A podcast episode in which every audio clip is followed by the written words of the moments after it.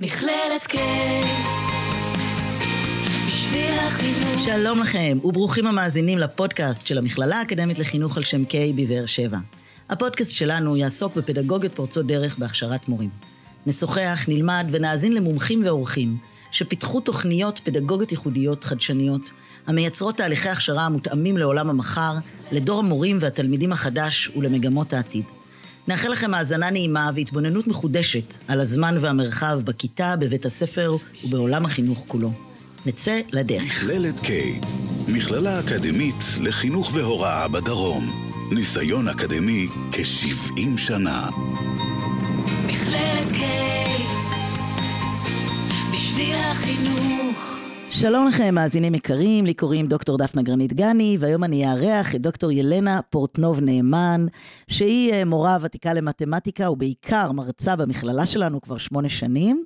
אה, אימא לשלושה, מתגוררת בכרמית, ובעיקר אה, מייסדת, ממציאה ויוצרת של פדגוגיה פורצת דרך חדשנית ומעניינת מאוד, שנקראת העצמת למידה במתמטיקה. אז היום את תספרי לנו על זה. היי דפנה, שלום גם לכולם, אני ממש נרגשת להיות כאן. מעניינים. מצוין, אז, אז מה זה מתמטיקה והעצמה? אני אישית מרגישה שזה כמו אוקסימורון, זה שתי מילים שאני לא צריכה להבין את הקשר ביניהם. אז העצמת למידה במתמטיקה היא, כמו שאת אמרת, היא שיטה שמשלבת שני אלמנטים. את האלמנט הלימודי, כמו שאנחנו מכירים, כל העולם התוכן המתמטי, לצד האלמנט המנטלי. אני קוראת לזה שני צירים, אני מתמטיקאית בסופו של דבר, אז יש פה מערכת צירים. אז יש לנו את הצד ה... שנקרא הציר המנטלי והציר הלימודי. והציר המנטלי עוסק בכל התפיסות, האמונות, הרגשות, המחשבות שיש לנו על התחום של המתמטיקה, ותאמיני לי, לא חסר. אנחנו גם סוחבים את זה גם איתנו שנים קדימה. וכשאני אומרת העצמת למידה במתמטיקה, אני רוצה להעצים את הילד, את התלמיד, בהיבט המתמטי, באמצעות החיזוק של שני הצירים האלה, גם הציר הלימודי, גם הציר המנטלי. ואת זה אני עושה ומטמיעה באמצעות אה, ההורים של הילד, המורים שמלווים אותו, והוא עצמו. אבל רגע, עוד, עוד לפני שאנחנו מנסות להבין את המודל, ואני אשמח מאוד שכמובן תסבירי לנו אותו אה, בפרוטרוט בהמשך, תני לי רגע את הלמה. Mm. למה אני בכלל צריכה להעצים ילדים במתמטיקה? מה, מה לי ולזה? Okay. אני מבינה אוקיי. שאת באה מהתחום. כן. אה, אז מה, למה צריך להעצים ילדים במתמטיקה? שאלה מצוינת. בואו בוא נלך רגע להתחלה. אה, לא משנה באיזה אה, מדינה מודרנית נסתכל היום, אה, המודל ההיררכי בכולם, זה זה שמקצועות אה, המדידים ביותר, חשובים ביותר, אלה ששמים עליהם את רוב הפוקוס זה מקצועות המתמטיקה והמדעים. בין אם זה באירופה, בארצות הברית וכמובן כאן בישראל. זאת אומרת, מתמטיקה היא כאן כדי להישאר, זה מקצוע חובה, שילדים לומדים אותו מגיל אה, הגן, יש תוכנית מסודרת מגיל הגן עד כיתה י"ב. זאת אומרת, זה תחום שקודם כל צריך לתת לו את המענה המתאים. אה, והיא מספיק חשובה ותופסת נפח מאוד מאוד גדול בתוך תוכנית הלימודים. עכשיו, המתמטיקה היא פה כדי לא רק ללמוד אותה, אלא גם ליהנות ממנה. ומה שקרה, אה, אם מסתכלים, במיוחד בשנים האחרונות, המתמטיקה הפכה להיות ממקצוע שיש בו כל כך הרבה יופי, עניין וסקרנות, למקצוע שהוא אה, הופך להיות אה, ממש רף כניסה לכל מיני מקומות, אם זה לקבוצות מחוננים, אם זה לכניסה לאקדמיה, אם זה למבחני סינון לצבא. זאת אומרת, הפכנו את המקצוע, במקום ליהנות ממה שיש למקצוע להציע, תכליתי, למשהו מאוד תכליתי. הוא הפך להיות למסנן. ומן הסתם, כשאנחנו יודעים שיש פה איזשהו גורם מסנן, לא תמיד אנחנו נרצה אה, לעבוד דרכו, להיות איתו אה, באיזשהו אה, אה, יחסי אהבה. ומה שקורה שזה, הצורה הזאת גם מונחלת כבר מגילי יסוד. וילדים... זה בטח גורם לחששות אה, דרמטיים. כן, אם אנחנו... אני יודעת שמקצוע... מעניין אם פעם ספרות היה יכול להיות מסנן. זה... אז תראי, מחקרית, להיות... מה שמעניין ש-20 אחוז אה, מהאוכלוסייה סובלת מחרדה אובייקטיבית שקוראים לה חרדת מתמטיקה. עכשיו, 20 אחוז בכיתה של 40 זה לא מעט בכלל. העניין הוא זה שלא מדברים על זה, זה לא גלוי, לא ניכר לעין, אבל אה, תסמיני החרדה לילדים הם תסמינים לכל דבר, כמו חרדה מ, אה, אה, ממטוס או מגבהים אה, לצורך העניין. אוקיי, אז לפני ש... עוד רגע שאלה אחת לפני שאת אה, מספרת לנו ממש מה עושים, זאת אומרת על, ה, על המה ועל האיך, עוד שאלה אחת שקשורה ללמה ברשותך. אמ, את יודעת, תמיד יש את הדיון המורכב הזה, אה, האם מתמטיקה, כמו הרבה תכונות אחרות, זה מולד או נרכש? האם יש לי כישרון מתמטי? זאת אומרת, אם אני יודעת לזהות אה, אה, יחסי דמיון בין משולשים, אני לא צריכה שתלמדי אותי, אני יודעת לזהות את זה. אנשים שיש להם, אה, את יודעת, אה, פעם אחת לימדתי אותם את לוח הכפל, זהו. יודעים כבר וקטורים, אה, נוסחאות, מבינים אה, מאוד מאוד מהר. אה, לעומת כאלה שאומרים אה, לא, צריך הרבה הרבה לתרגל. אז ככה, בתפיסה שלך, פעם הייתי בטוחה שגם בתור ילדה, תלמידה, אה, שמתמטיקה היא באמת לאנשים מסוימים שיש להם מה שנקרא ראש מתמטי. אה, ואו שיש לך את זה, או שאין לך את זה. ואם יש לך את זה, רוב הסיכויים של ההורים שלך יש את זה, וזה איזשהו מטען מולד, גנטי מולד. נרכש ומולד. היום אני יודעת שזה לא נכון. מחקרית זה לא נכון, אה, ואני גם אסביר למה. ילדים, מהרגע שהם ילדים קטנים, לא מפחדים ממתמטיקה, הם משתמשים בה כדי להבין את העולם. המתמטיקה היא כאן כדי שהעולם יהיה מסודר לנו. ילדים מגיל מאוד מאוד צעיר יודעים למנות, לספור, עולים במדרגות 1, 2, 3, סופרים עם האצבעות. המתמטיקה היא תמיד כאן. ולאט לאט מתחילים ללמוד אותה. עכשיו, נכון שכדי ללמוד מתמטיקה יש מה שנקרא רמת התפתחות של חשיבה מתמטית. אז אין ספק שללמוד מתמטיקה מ- אה, מאפס, ככה ב... out of the blue נגיד את זה ככה, יהיה לא, לא קל. כי יש שלבים, יש נדבכים, החשיבה המתמטית עוברת אה, גם... התפתחות. גם, התפתחות, כן, גם, גם אה, בהטמעה של מה שהם לומדים. וזה לוקח זמן. העניין הוא זה, נכון, יש אחוז מסוים של אוכלוסייה שניחנת במה שנקרא אינטליגנציה מתמטית, אה, אינטליגנציה מתמטית גבוהה. זה נכון, אבל זה לא אומר שכל היתר הם חסרי מזל, ממש לא. יש להם יכולות מתמטיות. יש כאלה שימצאו את היכולות האלה למקסימום וילכו ללמדו את המקצועות הריאליים כי זה יעניין אותם, ויש כאלה שימצאו את היכולות שלהם עד לנקודה מסוימת שזה יספיק להם. אבל להגיד שאו שניחנתי בכישרון מתמטי או שלא, זה מיתוס שאני רוצה לנפץ גם לנו פה עכשיו וגם לקהל המאזינים. אני חושבת שהנושא של מתמטיקה, ככל שאני מתעמקת וחושבת עליו יותר, כמו שאמרת בהתחלה, על העניין הזה של המסננת.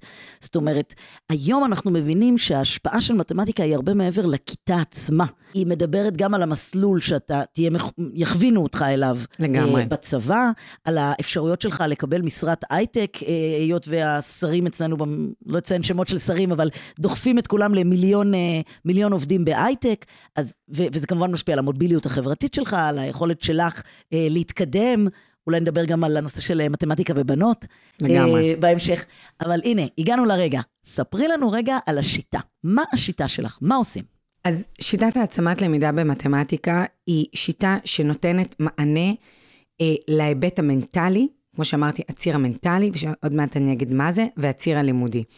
ואנחנו, אה, אני בעצם רוצה להטמיע את השיטה הזאת בשלושה אפיקים, עם המורים, עם ההורים ועם התלמידים. אני באמת מאמינה שילד, כשהוא נכנס לתוך המערכת, התפיסה שלו על עצמו היא תפיסה שמאוד מאוד אה, בנויה על איך שאחרים תופסים אותו. דימוי עצמי אה, שיש לתלמיד, במיוחד בתחום המתמטיקה, הרבה פעמים מבוסס על איך שגורמים סמכותיים שנמצאים בסביבו תופסים אותו. זאת אומרת, אם המורה תופסת את התלמיד כילד חלש, ככה כנראה גם הוא יתפוס את עצמו. אותו דבר לגבי ההורים. אז אה, בבסיס של השיטה זה אה, ראייה הוליסטית. מורה, הורה, ובאמצע זה התלמיד. והשיטה מבוססת, כמו שאמרתי, על הציר הלימודי והציר המנטלי. בואו נדבר על המנטלי.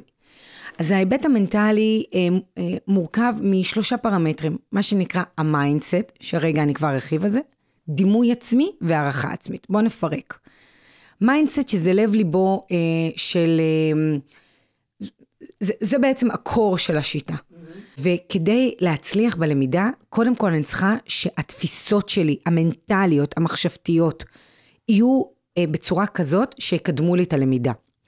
ולכן אני מדברת על העצמה בלמידה. איך אני מעצימה את הלמידה שלי? אז כמובן אני יכולה בהיבט הטכני להעצים, אה, לקחת שיעורים פרטיים, לתרגל, לקחת עוד אה, אה, אנשים שיעזרו לי ללמוד יותר טוב, אבל אני חייבת לחזק את המנטלי. וכשאני נכנסת ל mindset, הרעיון הוא קודם כל לדבר על התפיסות שיש לי על התחום של המתמטיקה.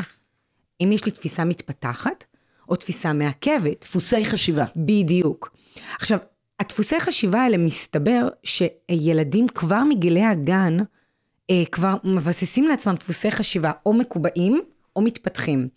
רובנו זה מיקס, יש לנו תחומים שיש לנו דפוסי חשיבה מקובעת ודפוסי חשיבה מתפתחת, זה מאוד משתנה. עכשיו, זה, אה, יש עולם מאוד מאוד גדול להיבט הזה, כי בדפוס חשיבה מתפתח זה גם איך שאני תופסת עצמי ביחס לאחר. בעוד שבדפוס חשיבה מקובע, אני תופסת את עצמי, לצורך העניין במתמטיקה, כמו שאת אומרת, הם יצליחו כי הם, יש להם ראש מתמטי. אני לא אצליח כי אין לי ראש מתמטי.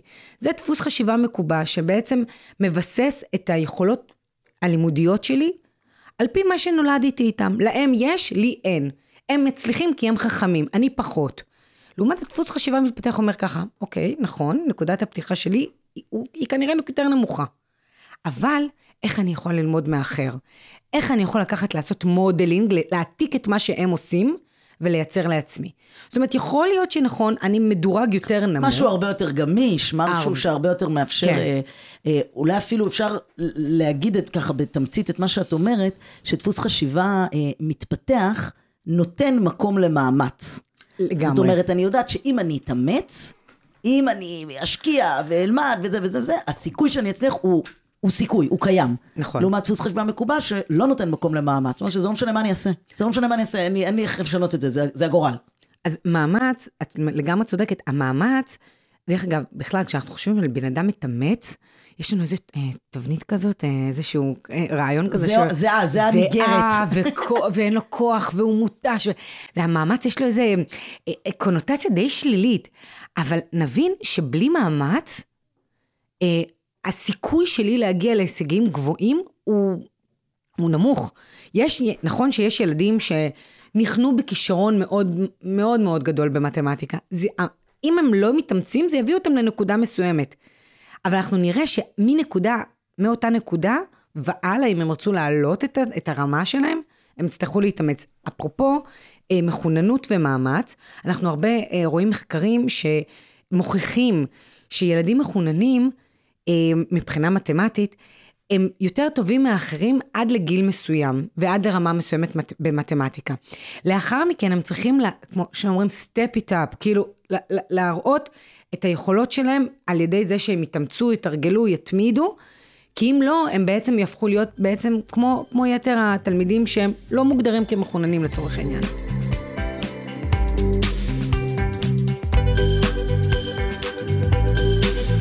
אוקיי, אז דיברת על הציר האחד מבין השלושה. דיברתי על ה mindset. כן. ספרי לנו על הצירים הבאים. אז יש לנו את ה mindset, יש לנו עכשיו את תחום הדימוי העצמי. אז אה, הדימוי העצמי תופס נפח מאוד מאוד מאוד גדול בשיטה, כי כדי שילד אה, יתפוס את עצמו כילד שמסוגל להצליח, כמו שאמרתי, דימוי עצמי אה, הרבה פעמים מבוסס על איך שהחברה תופסת אותו, במיוחד גורמים סמכותיים.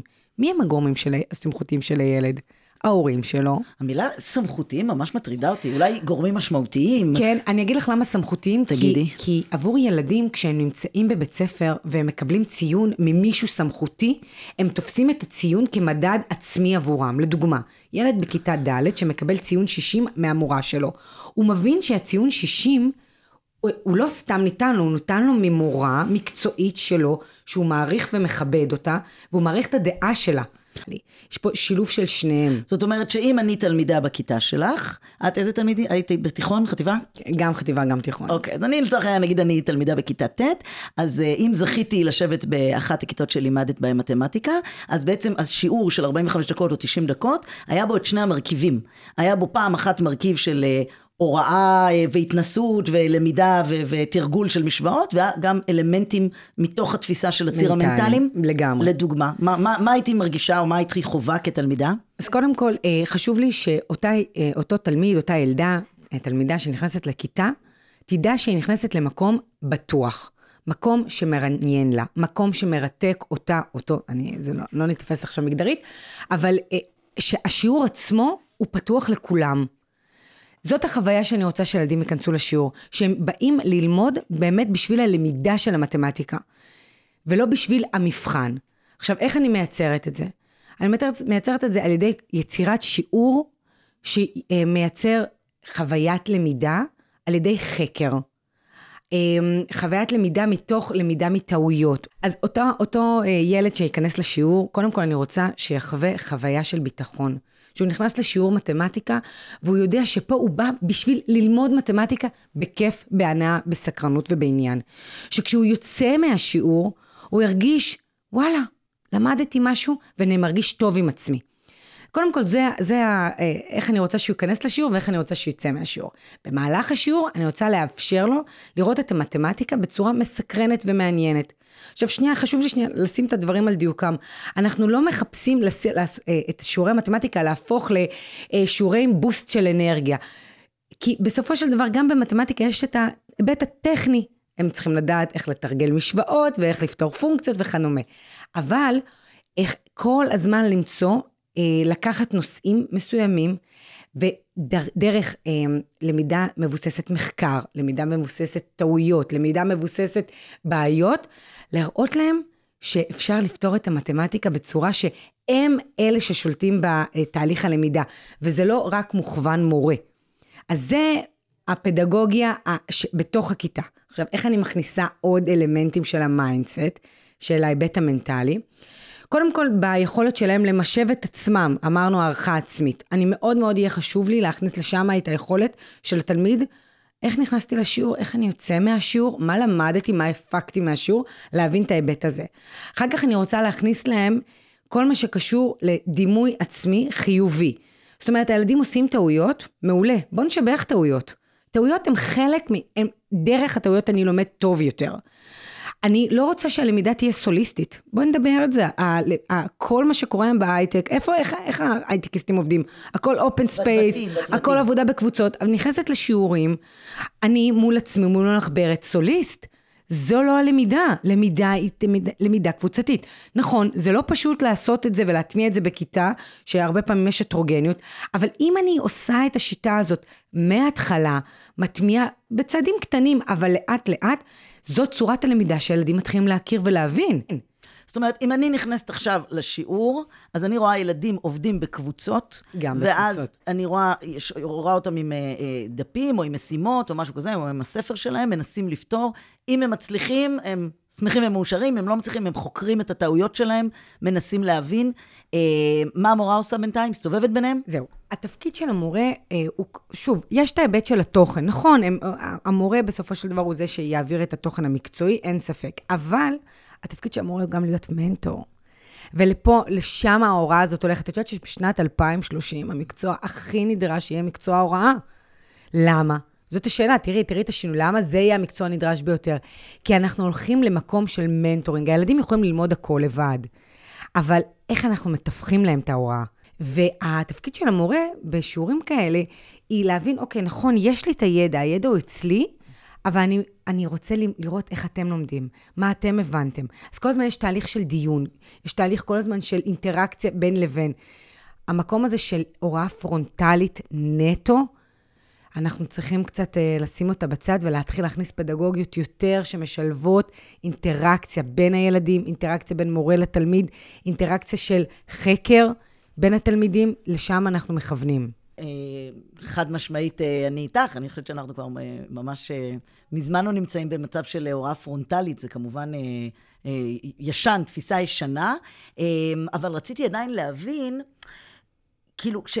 מורה במקרא או בספרות או בהיסטוריה, אה, כשאנחנו אומרים מורה היא מנטורית, אז אנחנו אומרים, המורה יכולה לייצר הזדמנויות ללמידה. נכון. היא בעצם מייצרת, היא אומרת להם, אתם צריכים להגיש לי כך וכך, עד לתאריך הזה והזה, אתם צריכים אה, להגיש לי פרויקט מסוים, אתם צריכים להג... לכתוב עיתון, להקליט לי פודקאסט, להכין לי אפליקציה, לעשות לי כל מיני משימות, כל מיני תוצרים, וככה הילדים, בעצם היא מזמנת להם את תהליך החקר. איזה, איזה, מה הם יכולים לעשות במתמטיקה? אני חייבת להגיד שבמתמטיקה יש כל כך הרבה דברים. חלק מהדברים האלה הסטודנטים שלי עושים וחוקרים, הם ממש חוקרים איך בונים משימות חקר משל עצמם. אני אביא לך סתם דוגמה, עכשיו היה לנו בתקופה של הקורונה. אה, המורות אה, יצרו משימת חקר עבור, עבור התלמידים שלהם בשלב ההתנסות, אה, לחקור את הסביבה שלהם, הם חקרו את ההיבט האפידמיולוגי אה, בסביבה ש, שבה הם גרים. ולאחר מכן עשו מזה סטטיסטיקות. מתוך זה הסיקו כמה מתחסנים, כמה לא מתחסנים, אה, באיזה רחובות. אה, עשו מחקר שלם. עכשיו, מה זה מייצר? זה מייצר מה שנקרא engagement. מה זה engagement? היכולת של הילד להשתייך, להיות מחויב לתוך המשימה, כי זה בא מהעולם שלו, מהרקע שלו. תמיד שואלים אותנו, למה אני צריך ללמוד את זה? איך מתמטיקה תעזור לי בחיים? בדיוק ככה.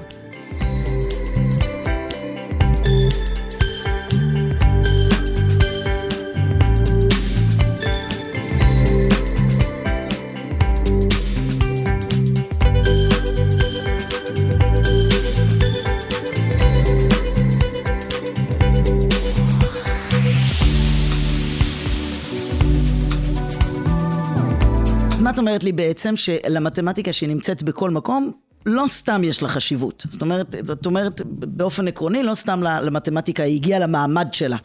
מתמטיקה הגיעה למעמד, היא הייתה שם תמיד. אה, פעם היא לא הייתה יותר מאומנות או מדעים. אנחנו עם השנים, התרבות המערבית הפכה את המתמטיקה כמסננת. כן. אה, ולשם אנחנו רוצים... אה, לחשוב על זה שוב רגע. כן, לעשות חשיבה נוספת. היום אני יכולה להגיד לך שבמבחני הפיזה שעכשיו בונים אותם, אז שם המתמטיקה הופכת להיות כבר דרך, אה, בתוך המבחנים עצמם, אה, משתמשים במתמטיקה כדי לפתור בעיות אמיתיות שקורות בחיים. נותנים ממש לילדים אה, אה, איזושהי בעיה אמיתית שקורית. אה, חקר המים, מפלסי, מפלס הכנרת, כל מיני בסגנון הזה. ואיך באמצעות מתמטיקה אתה יכול לפענח את המצב שקורה. אנחנו גם ראינו את זה עכשיו, אנחנו רואים את זה בקורונה, יש מלא גרפים, יש אה, סטטיסטיקות, מקדם הדבקה. ילדים צריכים להבין שזה הכל מתמטי. תגידי רגע, אה, הזכרת מקודם את העניין הזה שילדים היום יכולים ללמוד לבד, והעולם בכף ידי, כלומר בנייד שלי, ובכלל אנחנו מסתכלים על, אה, על הדבר הזה של דור האלפא, והזכרת מקודם גם את אה, שנת 2030 שנמצאת אה, עוד רגע מעבר לפינה. אז אולי תסבירי לנו, אה, קראתי על המודל שלך את הנושא של החשיבה האסטרטגית. תסבירי לנו איך חשיבה אסטרטגית זה מיומנות שיכולה לקדם את דור האלפא, דור התלמידים החדש. מעולה. אה, חשיבה אסטרטגית זו צורת חשיבה שמזהה אה, מצב אתגרי, ובאמצעות כלים אסטרטגיים מוצאת את הפתרון הטוב ביותר, היעיל ביותר בשביל הבעיה. אבל זאת מיומנות, וכמו כל מיומנות צריך להתחיל ללמוד ולרכוש אותה מגיל צעיר. עכשיו, מתמטיקה זה הבסיס הטוב ביותר, כי מגיל צעיר מאוד הילדים נחשפים לבעיות. אה, אפילו יותר מכל מקצוע אחר. עכשיו, אם אנחנו נלמד את התלמידים איך לפרק את הבעיה באמצעות כלים אסטרטגיים, אנחנו לאט לאט מפתחים אצלם מה שנקרא מיומנות לחשיבה אסטרטגית. אני אביא לך את הדוגמה הכי בסיסית. תחשבי על זה שבא אלייך טכנאי ואת מראה לו איזושהי תקלה שיש לך במזגן, במכונת הכביסה, לא משנה, אז הוא פותח את ארגז הכלים שלו ולוקח איזשהו כלי ומתאים לה כדי לפתור את הבעיה. ככה אני רוצה שתלמידים יסתכלו על בעיות. אני רוצה שיראו בעיה, ינסו לזהות מאיפה היא לקוחה, מה סגנון הבעיה, יפתחו את ארגז הכלים של האסטרטגיות שיש להם, וינסו להתאים את האסטרטגיה בשביל הבעיה, כדי שהפתרון יהיה היעיל ביותר. עכשיו תני לי דוגמה, מה, מה את מתכוונת אסטרטגיה? אוקיי, אז ארגז, הארגז האסטרטגיות זה, אה, זה ארגז של כלים לפתרון בעיות. בתוך הארגז הזה יש אסטרטגיות מתמטיות, לדוגמה, לפתור מהסוף להתחלה, לעשות תהליך של הקטנת בעיה, להשתמש בניסוי וטעייה. עכשיו, למה אני קוראת להם אסטרטגיות מתמטיות? כי לכל אחת מהן יש ממש מודל, בין אם זה מודל מתמטי, בין אם זה מודל אה, אה, אה, אה, אלגוריתמי, שאפשר ליישם אותו על כל בעיה כדי לפתור אותה. אוקיי, אז, אמ, אז אחרי שהבנו בעצם מה התפקיד של המורה והמורים, המנטורים, תסביר לי רגע את אה, מה שאמרת על עניין המורים, ההורים, סליחה. ההורים. מה שאמרת על עניין ההורים, שיש בעצם מבחינתך אה, שלוש, התבונ... שלוש זוויות ראייה, שלוש, אה, כל תהליך הזה נמצא בנקודת המפגש בין המורה, הילד וה... וה... וההורה. אז מה, מה, מה תפקיד ההורים בתהליך? אז אמ, ההורים עבורי אמ, הם המאמנים המנטליים הטובים ביותר לילדים שלהם. כל ילד, אה, לא משנה איזה ואיפה, היה רוצה שההורים שלו יתגאו בו. ואם ההורה מחזק את הילד בהיבט המנטלי, אנחנו נראה שאותם ילדים יודעים שיש להם גב. עכשיו, צריך לרתום את ההורים למהלך הזה, זה לא, זה לא כזה פשוט. ההורים היום בעידן הזה הם הורים שמאוד מאוד מותשים, עובדים המון המון שעות, ולא יכולים להתחייב עכשיו לבוא ולעשות איזשהו תהליך מנטלי עם הילד, כי זה תהליך, זה לא זבנג וגמרנו. אבל בשיטה שאני עושה עם ההורים, אני מראה להם פשוט כלים פרקטיים, איך עושים את זה. אז בואו נתחיל קודם כל, אני ממש אביא עכשיו למאזינים שלנו כמה כלים שעושים את זה. בואו נתחיל עם השבחים. איך אני משבחת את הילד שלי? איך אני משבחת אותו על ה... בין אם ההישגים שלו, או איך אני נותנת לו גם איזושהי רפלקציה על הכישלונות שלו, כי גם זה קורה. אז אה, אני מסבירה להורים לתת את הדגש על התהליך, לא על התוצאה הסופית. כי את יודעת, היום הילד בא, מסיים אה, אה, מחצית או רבעון, מביא תעודה, וההורה מסתכל, רואה 60, 70, 80, לא משנה איזה ציון, ואז לפי זה משבח את הילד, או לא משבח את הילד. העניין הוא אה, לתת יותר זרקור על מה הוביל לציון הזה. אוקיי, קיבלת 60? בוא נדבר על זה, למה קיבלת 60? קיבלת 90? בוא נדבר על למה קיבלת את ה-90. אבל זה נשמע לי קצת משונה שאימא לא יודעת שהילד שלה עלול לקבל 60. איפה היא הייתה הסמסטר שלהם, מחצית שלמה? שאלה, זו שאלה נכונה. אה, אני חושבת שזה מאוד אה, נכון עבור יל- אה, גילי היסוד. גילי חטיבת ביניים, תיכון, זה כבר כמעט ולא שם. תראי, גם כמורה הייתי אה, אה, בעצם טלפונים מהורים מאוד מתפלאים, שמאוד מתפלאים למה זה הציון ומה הסיבה. עכשיו, אה, למה זה קורה? כי בסופו של דבר ההורים מעבירים את האחריות לילד עצמו. אין שום בעיה, ההורים לא צריכים להיות המורים של התלמידים, זה גם לא תפקידם. אבל אם אנחנו כבר משפכים על הילד, זה לא חייב להיות רק על ההיבט הלימודי בבית. זה יכול להיות על כל דבר שהם עושים. שה, אני נותנת את השבחים על התהליך. כי אה, הצלחת באיזושהי משימה, אני רואה כמה התאמצת, כמה התמדת במשימה. לא היה לך פשוט, אבל לא ויתרת. כלומר, אני נותנת זרקור על הפעולות שהוא עשה, תרגלת עם חברים, ביקשת עזרה, לקחת מורה פרטי, תראה כמה דברים עשית כדי לקבל את ה-90. בעצם רצים את הזרקור על המאמץ, ולא על התוצאה, זה, כאילו. זה גם מאמץ, אבל גם בעצם על כל הפעולות שהוא עשה. הרי מאמץ זה מילה מאוד מאוד גדולה. כמו שאמרנו, אנחנו מדמיינים מישהו שמזיע ו- וקשה לו, אבל לא בהכרח. מאמץ זאת לא מילה גסה, זה חלק מתהליך למידה טוב. אוקיי, ילנה, אז אני רציתי uh, לשאול אותך רגע, אם אני בית ספר, ואני מנהלת בית ספר, חטיבת ביניים, ואני מחליטה ששמעתי על התוכנית שלך, של מתמטיקה מעצימה, העצמת uh, מתמטיקה, והחלטתי שאני רוצה לקדם את זה ב... לא יודעת, שכבה ח', שכבה ט'. מה, מה קורה? מה קורה? את מגיעה לבית ספר, איך זה עובד? בדיוק. קודם כל, אני עוטפת את בית הספר מכל, מכל הכיוונים. אנחנו רוצים להטמיע את השיטה אה, בצורה רוחבית. זה לא אחת... אה, זבנג וגמרנו. אנחנו רוצים להטמיע את זה בצורה רוחבית. אז איך אנחנו עושים את זה? אנחנו מטמיעים גם אה, את הכלים הלימודיים, שזה משימות חקר, משימות שמעודדות עניין, משימות שמעודדות סקרנות. אנחנו יכולים לעשות את זה פר נושא, פר תחום, אה, בתקופות מסוימות, בימי שיא מסוימים שקיימים בבית ספר, לפי צרכי בית ספר, אבל גם אנחנו מטמיעים כלים מנטליים. בואו נדבר על זה, איך עושים את זה. אנחנו מתחילים קודם כל את התהליך עם בניית חזון עבור כל תלמיד ותלמיד במתמטיקה. אנחנו מתחילים את השנה וקובעים לעצמנו יעד, אה, אה, אה, יעד א' ויעד ב'. ואיך אנחנו עושים את זה? אז אנחנו נתחיל קודם כל עם תהליך של אה, אה, שהילד ייצור לעצמו תמונת חזון. איפה אני נמצא אה, בשיעורי מתמטיקה, איפה אני נמצא היום. אוהב, ו... לא אוהב, מפחד, לא מפחד, בדיוק. קשה לי, קל לי. אנחנו נאתר את התחושות, את הרגשות, את התפיסות, את ה mindset שלו בנקודת זמן הזו. אבל אחר כך אנחנו נשאל אותו, איפה אתה רוצה להיות? תייצר לי תמונת חזון, תכתוב אותה. תרשום אותה, תצייר אותה, תשתמש בכל כלי ויזואלי, מוחשי, לא משנה איך, כדי שתדע לאן אתה שואף. אנחנו נעבוד עם הילדים האלה גם על ידי יצירת מטרות אופרטיביות. מי שמכיר פה מודל סמארט, מודל שכותב, שבאמצעותו הילדים יכולים לכתוב מטרות מדויקות, מדידות ותחומות בזמן. ואנחנו נעשה את זה לפני ואחרי. זאת אומרת, לפני התהליך, אנחנו נתחיל, שהמורות אה, מטמיעות את זה ביחד לפני עם... התהליך של העבודות חקר, את מתכוונת. בדיוק. אוקיי, כן. ובסיום איזושהי תקופה, זה יכול להיות שליש, מחצית, סוף שנה, תלוי אם, אם בית ספר רוצה להטמיע את זה לרוחב, או משהו יותר ממוקד, זה מאוד משתנה. ואנחנו אחר כך, אחרי התקופה הזאת, אנחנו נעשה עם התלמידים בדיוק את אותו הדבר, את אותם כלים מנטליים, ונבדוק מה קרה. ו... באמצעות הדבר הזה התלמידים שמים פוקוס על התהליך. הם לומדים שהתהליך חשוב לא רק ב, בלמידה של המתמטיקה, אלא התהליך הוא כל התהליך המנטלי של למידה בכלל. כי אני שמה לב ושמה את הזרקור על התהליך. על התהליך האישי, הרפלקטיבי. האישי, איפה האישי אני עצמי. ביחס לחומר, מה מעניין אותי, מה חשוב לי. בדיוק. והשילוב של שניהם, גם הכלים הלימודיים, שזה כלים פדגוגיים, אם זה למידה מבוססת חקר, למידה מבוססת משחוק, שימוש בטכנולוגיה, הכל כדי לייצר סקרנות ועניין בשיעורים.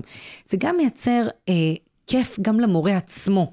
כי גם מורה שחווה, עניין. בדיוק, מורה שחווה כיתה מועצמת, מורה שעצמו מועצם, יחווה ילדים מועצמים. תגידי, אבל אה, יש... יש את השאלה הזאתי, אה, את אומרת שבעצם, אה, שוב אני חוזרת לזה שאני המנהלת, הזמנתי בעצם את הפדגוגיה הזאת, רציתי להתנסות בה, והמורים שלי, או המורים שפוגשים אותך, הם לא אומרים לך, רגע, רגע, אבל אני, אני לא יודעת, אני לא יודעת ללוות תהליכים רגשיים, אני באתי ללמד אה, זוויות. אז מה, מה את עושה איתם? מה שמדהים בשיטה, שקודם כל הם עצמם עוברים את התהליך הזה. הם בעצמם כותבים יעדים, הם בעצמם כותבים תמונת חזון. הם יעברו את התהליך, כמו שאמרתי, מורה מועצם הוא מורה מעצים. אז אם המורה עצמו כותב תמונת חזון לכיתה שלו, כותב לעצמו מטרות אופרטיביות, בודק איפה הוא בהיבט הרגשי נמצא, מה המחויבות שלו, ויודע יותר גם להעריך את צורת העבודה שלו, כי גם מורים מוערכים על פי מדדים. אז אם המורה עצמו חווה את הדבר הזה, הוא ידע לעשות את זה לכיתה שלו.